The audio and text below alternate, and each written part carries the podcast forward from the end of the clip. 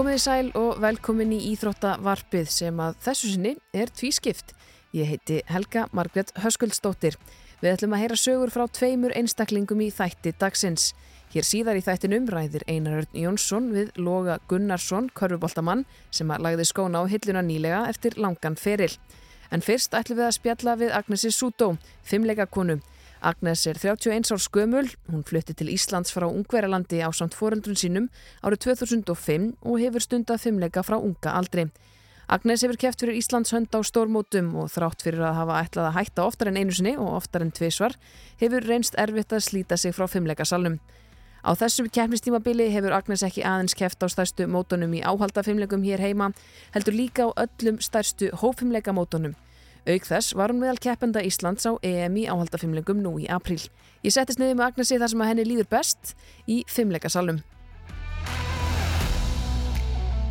Ef við byrjum bara svona, hvað hva er það mörg mót sem þú ert núna búin að keppa á á, á þessu tímabili? Mm, það er alveg slatta mótum. Ég held kannski átta eða nýju sem er búið að vera mjög krefjandi en skemmtilegt. Veistu hversu mörg áhalda og hversu mörg hóp? Hú, ég veit það ekki. Uh, ég keppti allavega byggamótinu í áhaldafimleikum og svo var eitt úrtökumót fyrir Evrópamótið, Íslandsmót og svo Evrópamótið og svo er eitt mót framundan þannig að þá er það fimm samtals og í hópfimleikum þá keppti ég á byggamótinu, á mótaröðinni og á Íslandsmótinu þannig að bara þrjú. Þannig að verða átta eða nýju, ég mann. Hvað, er ekkert, er ekkert flókið, þetta er náttúrulega, þú veist, þetta heitir bæði fimmleikar, þá er, er þetta ekki svolítið ólíkar íþróttir? Jú, mér líður bara eins og ef við værum að bera saman fótbolta og handbolta. Þetta eru fimmleikar en alls ekki það sama. Öðruvísi fókuspunktar, öðruvísi uppsetning á æfingum og öðruvísi, að smá öðruvísi markmið. Þannig. Þú byrjaður í áhaldafimmleikum eða ekki? Já, ég, ég byrjaði í fimmleikum í Ungurlandi og þá voru fótfimmleikarnir ekki til og uh, ég kynntist hópfimleikum reyndar 2010 þegar það var óvist hvort ég fái ríkisborgarrétt til að keppa fyrir höndi Íslands og þá mátti ég sem sagt þá keppa á Norðurlandamóti í hópfimleikum og ég endaði að keppa 2011 í hópfimleikum á meðan ég var ennþá í áhalda þannig að þetta er ekkert nýtt fyrir mig þannig séð. Að vera í báðum? Að vera í báðum en svo fekk ég ríkisborgarrétt og, og keppti á HM fyrir höndi Íslands. Þú veist, hver er munun svona, þú veist, bara svona, ef við hugsaum bara svona líkamlega séð, eða þú veist, hvað þarfst að gera og svoleiðis? Í hófumleikum þá þarftu töluvert með sprengikraft og bara hlaupa í þetta og auðvitað fókus en í áhalda þegar þú ert til dæmis upp á jafnvægislá sem er 10 cm á breytt þá þarftu töluvert meira nákvæmni og einbettingu þannig að algjör fókus sem þarf í áhaldafimleikum og í hófumleikum kemst maður alveg upp með að peppa sér bara smá áfram og ég held að það sé smá munur og svo er náttúrulega áhaldafimleikarnir, það er rosa mikið, maður hugsa rosa mikið um sjálfan sig og sem einstaklingur á meðan í hófumleikum þá liðsuppbyggingin skiptir mestamáli og liðshildin. Hvort finnst þér skemmtilegra? Er það, er það jafn skemmtilegt? Ég veit ekki, ég bara, þetta er eitthvað sem ég hef oft, oft pælt í og ef einhver myndi segja mér að ég ætti að velja akkurat núna, ég held ég gæti það ekki. Af því að mér finnst gott að hugsa um sjálfa mig og þetta var alveg þegar ég skipti, þegar ég hætti 2019 í þriðaskipti, þá skipti ég yfir í hópfumleika og að vera partur af liði er eitthvað sem ég var ekki góð í og ég þurfti að læra.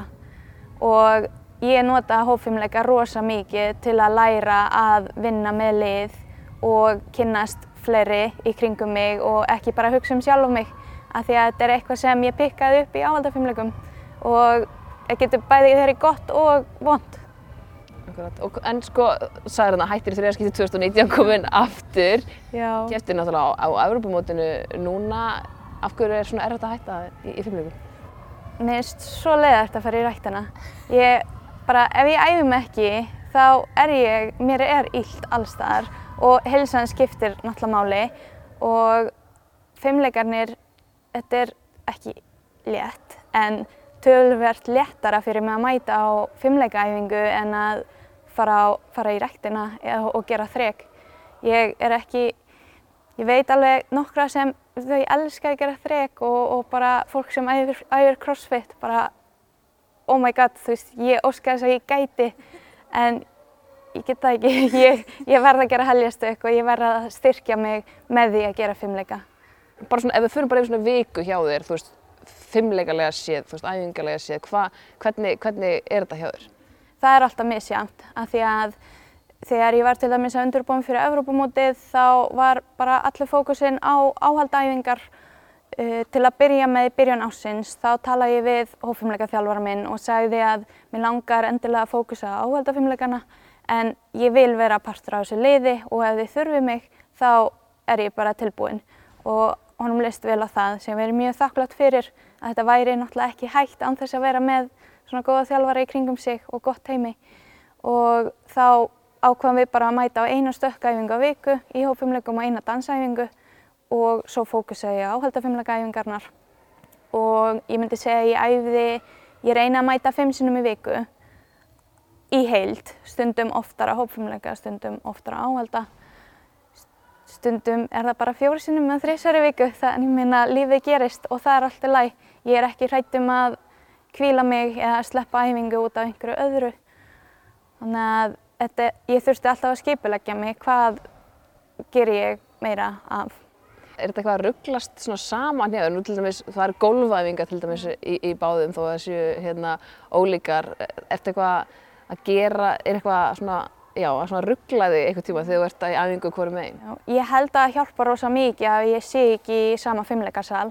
Af því þegar ég mætti í hópfimmleikarsalinn þá er ég bara, á, þú veist, hugsa um hópfimmleikana. Ef við værum á sama, þú veist, svæði þá myndi ég væri alveg hrætt um að, að koma í rugglingur. Uh, ég hef rugglast smá hlaupinu á stökki af því að ég er að gera svipað en samt maður þarf að hlaupa aðeins betur í í hópfumleika stökk af því ég er líka að gera mismandi stökk æfingar. Í áhalda þá er ég að gera Jutsenko sem byrjar á því að gera arba stökk áður en maður fer inn á brettið og í hópfumleikum þá er ég að hoppa inn á trampolín og ég gera ekkert á undan. Ég lendi í því á Íslandsmótunni áhaldafumleikum að ég rugglaðist á hlaupinu en sem betur fer það var setna stökki mitt og það var ekki á úrslítadaginn en svo töluðum aðeins við þjálfara minn og og ákvaðum bara hvernig ég ætti að hita upp daginum eftir svo þetta gerist ekki aftur og þetta hefur ekkert gerst og á öllum hinnum áhaldum þá er þetta bara búið að ganga mjög vel og ég myndi segja að hjálpaði mér í áhaldafimleikum að vera að stökka svona mikið í hópfimleikum.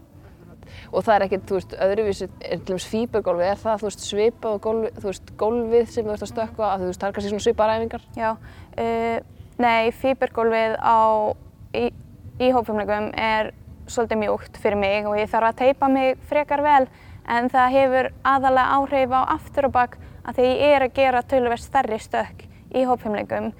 Í áhalda ger ég erfiðasta stökki mitt til tvöfalt heljar samanbóið og í hópfimleikum þá kefti ég með tvöfalt streyt síðast og þá þarf maður að hlaupa miklu betur í þetta og á áhaldagólfinu hef ég þrjú skref og það er aðeins lengra hlaup hópfimleika meginn. Þannig að uh, það er mikra, áhaldagólfið er stífara sem mér finnst í rauninni betra en til að ná starra stök og betri stök þá þarf maður aðeins bánsið og, og mýktin á gólfinu. Og þið finnst greinlega svolítið gaman að gera líka svona stærri stök? Já, mér finnst það rosalega gaman. Ég held að það sé svolítið málið með hófumleika og mér finnst það gaman að mæta æfingar að því ég er búin að vera í áhaldafimleikum alveg 25 ár cirka og ég er alveg að gera svolítið sama. Þannig að áhaldafimleikarnir þar er ég meira að viðhalda frekar en að læra nýtt stök. Að maður ég mæti á hópfimleikaæfingar og ég reyna alltaf að bæta við skrúfu hér og skrúfu þar. Hvað er svo framöndan núna? Nú er, ég þú sagði, það er núna móta um helgina í áhaldafimleikunum og er svo smá svona undirbúinistímabölu að fara í gang? Já, já, eftir mótu um helgina þá ætla ég bara í smá frí í viku Uh, ég er ekki viss hvort ég hef komist í úrvalshópin í hópfumleikum en ef svo þá verða æfingabúðir bara á Íslandi sem ég er mjög spennt fyrir af því að mér finnst ég á alveg fullt inni og mér langar svolítið að einbytta mér að læra ný stök í sumar til að geta svo keft og, og styrt liðið mitt á NM. Já, gerflæði mitt var að keppa á Norrlandamótunum þannig að þegar þegar þetta ár klárast þá verður þú búið með svolítið, þú ert búið með Evropamóti í áhaldafimleikum, Norrlandamót, mögulega í hópfimleikum líka. Er þetta ekki, er þetta ekki klikkað það? Jú, um, mér finnst það. Ég er mjög spennt að keppa á NM að því að það er á Íslandi. Norrlandamótið í áhaldafimleikum var einnig á Íslandi í fyrra sem var eiginlega skemmtilegasta mót ársins. Þannig að þetta er alltaf rosa stór markmið fyrir mig að standa mig vel á öllum mótum sem er heima. Og ég hef ekki pælt í þessu þannig sé hvort það sé klikkað eða ekki. Ég er svolítið manneskja sem planar ekki oflangt þannig að ég væri til að geta sagt þér hvað ég ger á næsta ári og þar næsta en ég hef alltaf tekið bara eitt ári einu og nú veit ég að sé Norðurlandamót framöndan og jafnvel Norður-Evrópamót í áhaldafimleikum sem gæti verið svolítið skemmtilegt af því að mér langar svolítið að standa mig vel þar líka. Margt á dagskrá. Mjög mikið á dagskrá hjá þér, augljóslega. Finnst þér svona gaman að keppa? Já, bara mér finnst það skemmtilegast og stundum getur verið erfitt og fyrir Evrópamóti núna, ég spurði sjálf á mig af hverju er ég að gera þetta. Ég er alltaf svo stressið fyrir mót, þú veist, ég er ekkert eitthvað all pep og no stress. Þannig að, en ég, svo eftir mót, ég er alltaf bara spennt að hugsa um næsta og hvaða næsta og það er líka tölverst auðveldra að æfa þegar maður er með markmið. Hefur þú verið, þú veist, heppinni með, með þú veist, meðsli og allt svoleiðis, hefur þú verið heppin með það? Ekki? Já, algjörlega. Ég hef búin að vera mjög heppin. Þegar ég var yngri, uh, þegar ég var að taka hérna vakstakipp og þá þess að margir í vandræðu með meðsl að það er æfa kannski aðeins og mikið. Uh, þá var ég að æfa sem minnst af því að ég hafði minna áhuga á fimmleikana þá og ég held að það hefur alveg bjargað mér fullt að ég byrjaði að hækka álægið eftir, kannski ég var 17-18 ára og ég held að það hafi algjörlega bjargað mér og ég er með smá auðmað ökla en ég held að það sé bara í pakkanum. Eftir svona mörg ári huflíkunum? Já, já, en ég, ég held ég hafi ekki þurft að sleppa mót út af meðslum eða neitt svolítið. Ég hef kannski einu sinni mistað út af veikindi. En Á öllum ferlinum? Ég held það. Ég bara man ekki eftir því sem betur verið. Kemstu eitthvað annað aðeins fimmleikar hjá þér? Ertu að gera eitthvað annað? Já. ég er sérst í skóla, ég er í námi, ég er að fara í grafíska miðlun í haust og ég er búin að vera í grunnnámi núna í heilt ár sem er rosalega skemmtilegt af því að tengist við starfið mitt þar sem ég er markastjóri Gerplu og ég er að sjá um alls konar auðlýsingagerð og, og ljósmyndir og senda út fréttir, sjá um samfélagsmiðlan okkar. Ég er einnig að vinna í fataverslun sem er að selja fimmleikavörur og fimmleikafatnað þannig að þetta tengist alveg við. Já. Þetta er ekkert eitthvað allt annað og um helgar þá er ég að taka ljósmyndir í fimmleikasal sem er aðalega fermingamyndir að það get ekki margir búið upp á að vera í salnum og taka fimmleikamindir. Man getur taka það í stúdíói og mér finnst það ekki eins skemmtilegt. Þannig að það er skemmtilegt að geta búið upp á það. Er, er ljósmyndinu svona, svona það sem þið finnst skemmtilegast annars? Mér finnst það svolítið skemmtilegt. Mér finnst líka gaman í myndvinnslu og að búa til auðlýsingar. Ég held að það sé hann skemmtilegra fyrir mig. Uh, en ég er að gera bæði, ég get, ég get ekki valið. ég er að gera svo margt í einu og ég er svolítið manneskja að mér finnst ég ekki geta að gefa 100% í bara eitthvað eitt. Af því að ég þarf alltaf svo að, þú veist, ég fæ bara alls konar hugmyndir og ég er svolítið listakonan í fjölskyldinni. Þannig að ég stoppa ekkert og held áfram en til að geta gert það þá þarf ég að vera í svolítið sveigjalari vinnu sem er sagt, það sem ég er að gera. Er, er svona lista, svona lista geniðir og íþróttagenið fyrir þetta alveg saman? Eða? Já, ég held það. Ég held að þetta sé alveg góð blanda eða með að við hvað ég er búin að vera að gera fyrir, bæði fyrir fimmleika sem fimmleika kona og sem markastjóri þá finnst mér bara passa mjög vel inn í þetta og þetta er eitthvað kannski sem fólk hefur ekki gert á Íslandi og fólk er að spyrja mig svona hvort þetta sé teimi eða hver er að gera þetta og ég held að það hjálpar mér að ég sé í fimmleikum að sjá um málinn sem ég er að sjá um. Hvað finnst þið gaman að gera? Þú ert ekki í fimmleikum og ekki að taka myndir af fimmleikum og ekki að pæla í fimmleikum? Sko, ég hef rosa gaman að því að fara að kattakaffi húsi. Ég elska ketti, bara og ég þarf að nefna þetta. það vita allir að ég sé Crazy Cat Lady og ég er bara prátt. um, ég hef verið að teikna áður og líka gert aðeins meira í kringum það. Mér finnst mjög gaman að teikna en ég sé bara svolítið illa þannig að það hjálpar ekki. Uh, ég veit það ekki.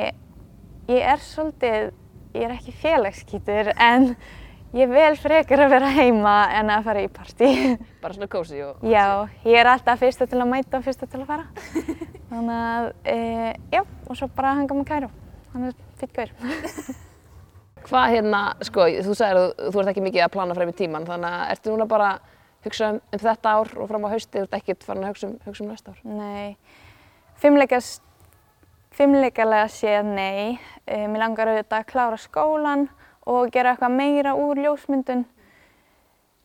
Ég, sagt, maður getur alltaf í fimmleikum, það getur margt komið upp og ég á ekki bann, ég veit ekki hvort það sé eitthvað framöndan á næstunni. Þannig að ég ætla bara að taka einn dag í einu og það hefur virkað hinga til.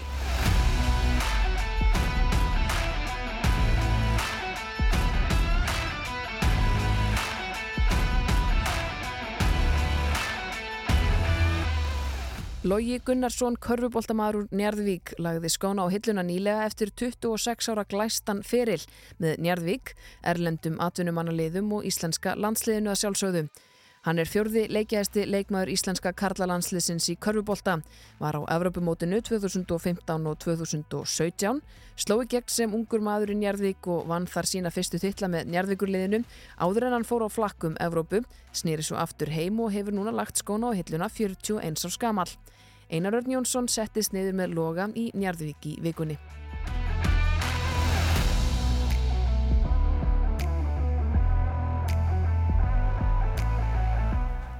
Lógi Gunnarsson, fyrverandi korfubóltamæður, hvernig, hvernig finnst þér að, að hafa fengið þetta fyrverandi viðskeiti? Ég held að það vennist eh, seint sko, allavega eins og núna þá finnst mér það skrítið, skrítið hérna, að nota það orð en, en hérna, ég held að ég átti ekki á þessu kannski fyrir bara næst, næsta haust sko, þegar allt fer á stað, stað aftur en hérna, já, þetta verður skrítið. En þú hveður sáttur, þetta er náttúrulega, þetta er ákvörðun sem að þú tekur já. sjálfur, það, það hefur ekki allt íþróttafólk þann Nei. munað. Já, það er rétt þér. Ég hérna, var bara fyrir nokkur mánuðum síðan, þá hugsaði ég bara, þú veist að núna væri þetta bara gott og hérna, að meðan ég var í, í, í stóru hluturki í góðu liði og við erum með gott lið og, og, og síðustu tvö ár hafa verið mjög uh, góð hjá okkur varandi bara, þú veist, getur liðsins og við höfum verið að spila uh, í efri part og verið deildamistarar í fyrra og þá vissi ég bara einhvern veginn að ég vildi vera í góðu liði og, og hérna, vera samt ennþá á þeim standard sem ég þurfti í svona í efstu deild og þannig ég var mjög svona, já, bara sáttur í þessu ákvörðin og er. Hvað tekur við núna? Ertu búinn að segja, segja skilið við korfubólta alveg? Nei, ég held ekki. Ég, ég held ég spili nú ekki aðra leiki í svona einhverju neðri deildum eða einhverjum bummubólta. Ég held ég láti þetta bara alveg vera núna. Ég, ég hérna, maður einhvern veginn veit hvað þarf að gera mikið til þess einhvern veginn að, að vera í þessu, þú veist, þannig að ég vill ekki gera þetta hálfum hög, sko, þannig að, en ég verð áfram í, í yngreflokka þjálfun eins og ég er búinn að vera síðustu ár, ég er búinn að vera yngri, semst, yfirþjálfari yngreflokka njárvíkur og, og öll þrjú börni mín eru í körubólta og, og strákurinn mín í fókbólta og þannig að ég mun vera á, á, á áhörfundi á íþrættaföllan. Nú hefur alltaf hugsað mjög um þig, æft augalega, æft vel, hugsað um næringuna og svona íþróttinu er svolítið stýrt hvernig þú hegðar þínu lífi. Nú farið allt innu fullt af auka klukkutíma. Já, ég verði allavega heima á matatíma í fyrsta skipti í, hvað, 25 ár, svona cirka. Nei, já, já, þetta verður öðruvísi. Að, ég hef sagt það í öðrum viðtölum að lífi snýst um þetta hjá manni. Þú veist, maður er alltaf að hugsa um næsta leik, næstu orustu, hvernig undýbúðum ég sem best fyrir þann leik og til þess að vera í sem bestu standinu og, og síður, síðustu ár hafa verið ennþá meira sem ég hef þurft að spá í þessu því að maður kemur ákveðin aldur þá missir maður hraða og, og þarf að vera þá með alla hýna eh, hvað segir maður, hlutin á hreinu varandi bara svefn og, og, og að, að hugsa um sig. Þannig að það verður svolítið skrítið núna að þurfi ekki að vera að pæla svona mikið í þessu og smá, ég verði eiginlega að segja það, kannski smá svona þunga af aukstónum mínum að búið að taka það smá af sko, því ég var með þetta bara, þú veist, það var að ná ákveðin mörgum skotum eftir hver einustu æfingu, þú veist, annars fór ég bara heim svona hálf skrítinn og, og, og fannst ég hafa verið að sundla eitthvað sko. Þannig að núna er það búið og þarf ekki að vera að hugsa um það sem er smá léttir en, en ég á eftir að sakna þess klárlega. Bökkum aðeins bara og förum bara bísna langt aftur. Þú ert af Suðunisjónum sem er gríðarlega korrubólta hefð. Pappiðinn var landsleismadur í korrubólta og, og þjálfari. Kom, var einhvern tíman eitthvað annað en korrubólti sem kom til greina hjá þér? Ég var í fókbólta en ég, ég vissi allan tíman að mér fannst bara korrubóltinn það skemmtilegur að ég á endan myndi alltaf velja hann og ég gerði það svona kringum 13-14 ára aldur og var svo bara komin inn í meistarflokkin 15 ára. Þannig að nei, karvan hefur alltaf verið leiðin og ég vissi það allan tíð. Þetta er svolítið sjálfgæft að maður sjáu leikmenn eins og þig og ölla heitin. Þið komum svo ungir inn Já. og svo endar þú einhvern veginn, þú byrjar sem yngsti maðurinn og endar sem elsti maðurinn. Já. Flestir sem að byrja sem yngstir heldast út einhver á leiðinni vegna meðisla eða bara að fá nóg. Þetta er, þetta er rosalega langur meistaraflokksferill. Já, þetta eru heil 26 tímabil síðan fyrsta tímabili 97 og ég einhvern veginn bara tel mér bara útrúlega heppin að hafa fengið þetta. Þú veist að ég fór í gegnum ferilinn svona eiginlega meðsla frýr og ég tel það vera út af bara hvernig ég tók þessu alvarlega. Þú veist alveg frá því að ég var ungu maður og í atvinnumönsku og, og hérna, og ég lærði það mörgum góðum mönnum snemma og svo fór maður út og maður pikkaði út hluti hjá ákveðnum atvinnumönnum sem maður spilaði með og svo kemur maður heim og, og er svo farin að spila með sonum þessara manna sem ég spilaði með fyrst. Það er ótrúlega, mér þykir væntu það og er góður vinur þeirra og jafnvel betra sambandi við sinina núna í dag heldur en pappana kannski af því að það er svona lengra síðan ég spilaði með pöppunum. En þetta er, já, þetta er búið að vera sérstakur, sérstök, sérstök ferð þessi 26 ár og, og ég er bara mjög heppinn að hafa fengið að njóta þess og, hérna, og, og bara kann að meta. Þegar þú fórst til útlanda, ungur maður, bara já, tvítugur, rúmlega tvítugur, hvaða svona væntingar hafðuru fyrir, fyrir lífinu sem, sem atvinnumann? Nýjón, Íslandsmeistari, tvísvar hérna, korruboltamaður ársins, samt bara rétt skriðinu við tvítugt. Já, já, já ég, maður sá bara, hérna, maður ætlaði sér bara alla leið og var, ég var fyrir löngu síðan búinn að hugsa mér að vera atvinnumæður bara frá því ég var lítill strákur og, og þarna var svona draumurinn að rætast og, og ég man að við fórum á sama tíma, ég og Jón Arnór Stefánsson, hann fór í Tríer og ég fór í Ulm og við, ég svona, já, bara, við vorum búin að berjast á móti hverju öðrum í, hérna í deildinni og fórum svo sama tíma út og, og maður svona bara vissi að það var nýr kabla að byrja hjá manni og, og maður var spenntur og, og bara, já, og þetta var eh, ótrúlega skemmtileg lífsreynsla að koma frá litlu Íslandi yfir í alvöru atvinnumannadeildir eins og Þýskala, Þýska deildin var og ég var þar í fjögur ár í Þýskalandi og svo fór ég áfram í önnu lönd og þetta var bara eins og maður vildi hafa þetta. Hvernig átti þetta síkuna líf við þig sem að lífa atvinnumannsins getur oft verið að, að skjóta einlega hverki rótum? Já, ég, ég eiginlega leita það eftir á bara sem svona forréttindi að hafa að að fá að sjá fleiri lönd, kynnast menningu, mismunandi menningum á stuttum tíma í rauninni. Við erum í, yfir áratug en, en hoppa millir margar landa og, og ég var eiginlega, og ég, ég er mjög þakkláttur að kona mín fór með mig út um allt. Hún, ég á henni mikið að þakka. Hún, hefur stutt, hún Birna stutt við baki á mér í gegnum mitt allt og, og, og við nutum þess bara að vera saman út um alla Evrópu og sjá nýjar borgir og, og eignuðist börnin okkar tvö erlendis og, byggum þar í tíma með þeim og þau fóru í leikskóla í, bæði í Svíþ og í Fraklandi svo eignustu þriðju, þessast yngstu dóttir okkar þegar við komum heim en þessi tími var bara ómeddalegur og að fá að flakka svona á milli var eiginlega bara forréttindi í staðin fyrir að kannski vera á sama stað allan tíman og, sjá bara þann stað. Þú ætlar búin að vera tíu ár núna eftir að þú komst heim í, í. Njarvík. Sá stóri náðist samt ekki. Þau eru deildameistarar, þau eru byggameistarar en, en þessi, þessi eftirsóttasti Já. náðist ekki á þessum tíu árum. Situr það eitthvað í þér? Gera það kannski meira setna?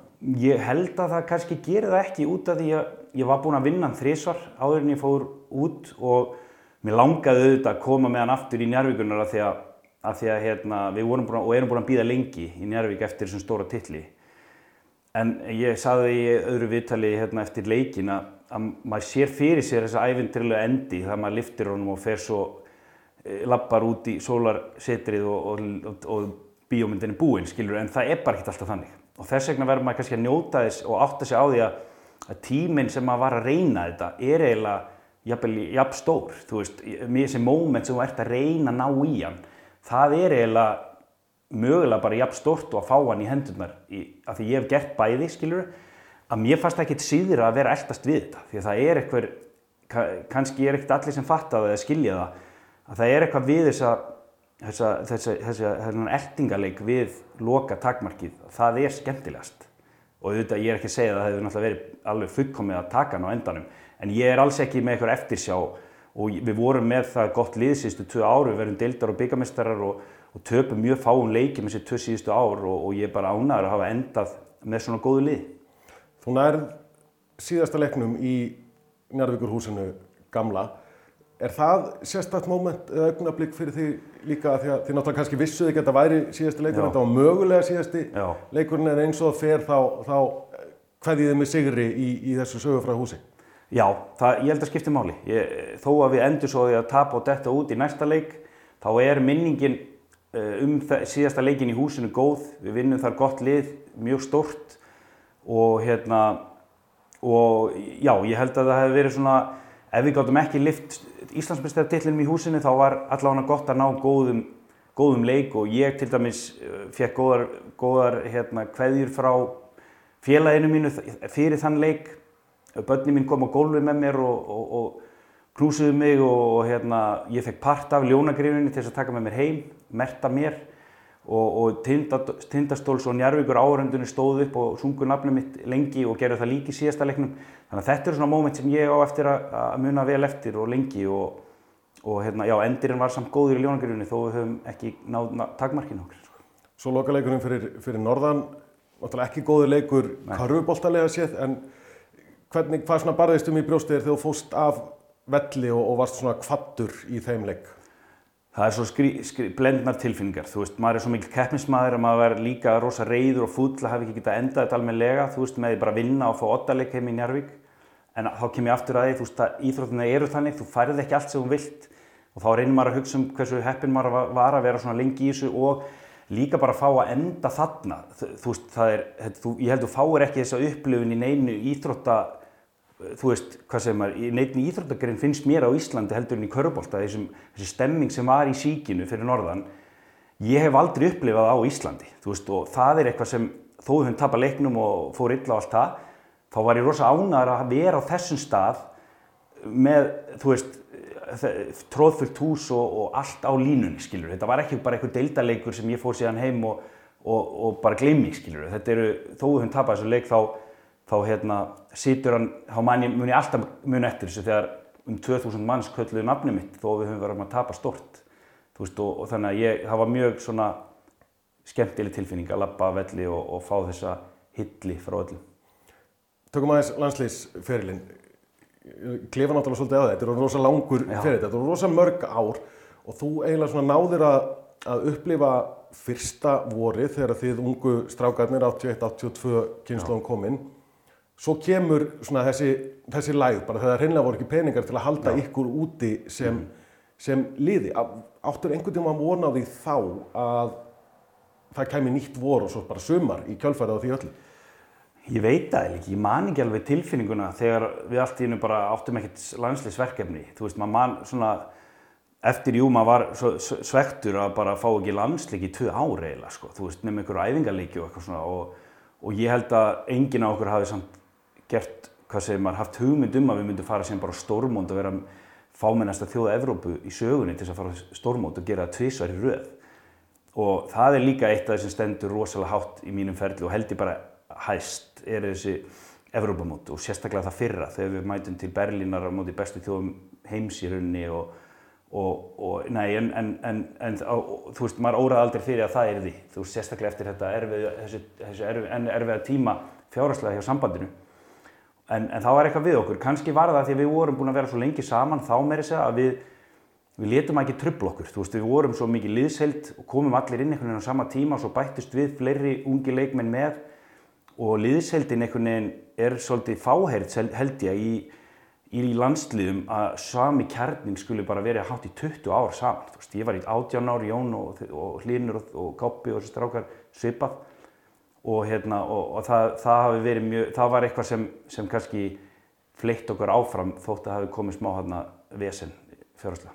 Hjálpaði kannski það vesen líka aðeins til að, að það svona þjálpaði hópnum svolítið Já. saman að, að vita að þetta er ekki sjálf gefið að fá að vera í þeirri stöðu að geta unnið einhver afreg sem enginn hefur gert, gert aður. Það er ekki, þú getur ekki tekið því sem gefnu Nei. og þið upplýðu það svolítið á einn skinni Já, í aðdraðandanum. það er bara góð punktur. Ég, ég hef ekki spáð í því áður en, en kannski hefði það bara eitthvað með að gera að við heldum lengur áfram saman einhvern veginn og, og, og fó- fórum já með, með liðið eins mögulega langt og hægt var. Þú veist, það hefði kannski verið auðvelt að segja bara já, þú veist, við erum ekki að fara að spila hann leiki þetta næstu í tvö ár og hættum þessu bara. Förum bara að hugsa um félagsliðin okkar og mann hefur nú séð það í mörgum íþróttagreinum í gegnum árin að, að, að, að hérna, leikminn er að taka félagsliðin fram yfir landsliðina því að það er kannski ekkert spennandi í gangi sko.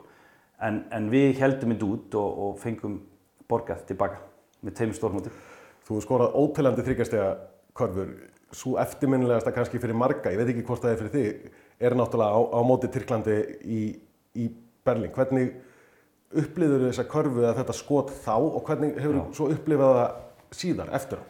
Sko, þetta er, sko, maður er svo mikið keppnismæður að, sko, ég, ég hef skorað fleiri svona körfur og, við, og kannski sigurkörfur og þá lappa maður út af með sigurinn í fanginu, skilur og það er kannski ástæðan fyrir körfunni er sigurinn, eða sigurinn er út af körfunni. Þarna förum við í framleggingu og við vinnum ekki.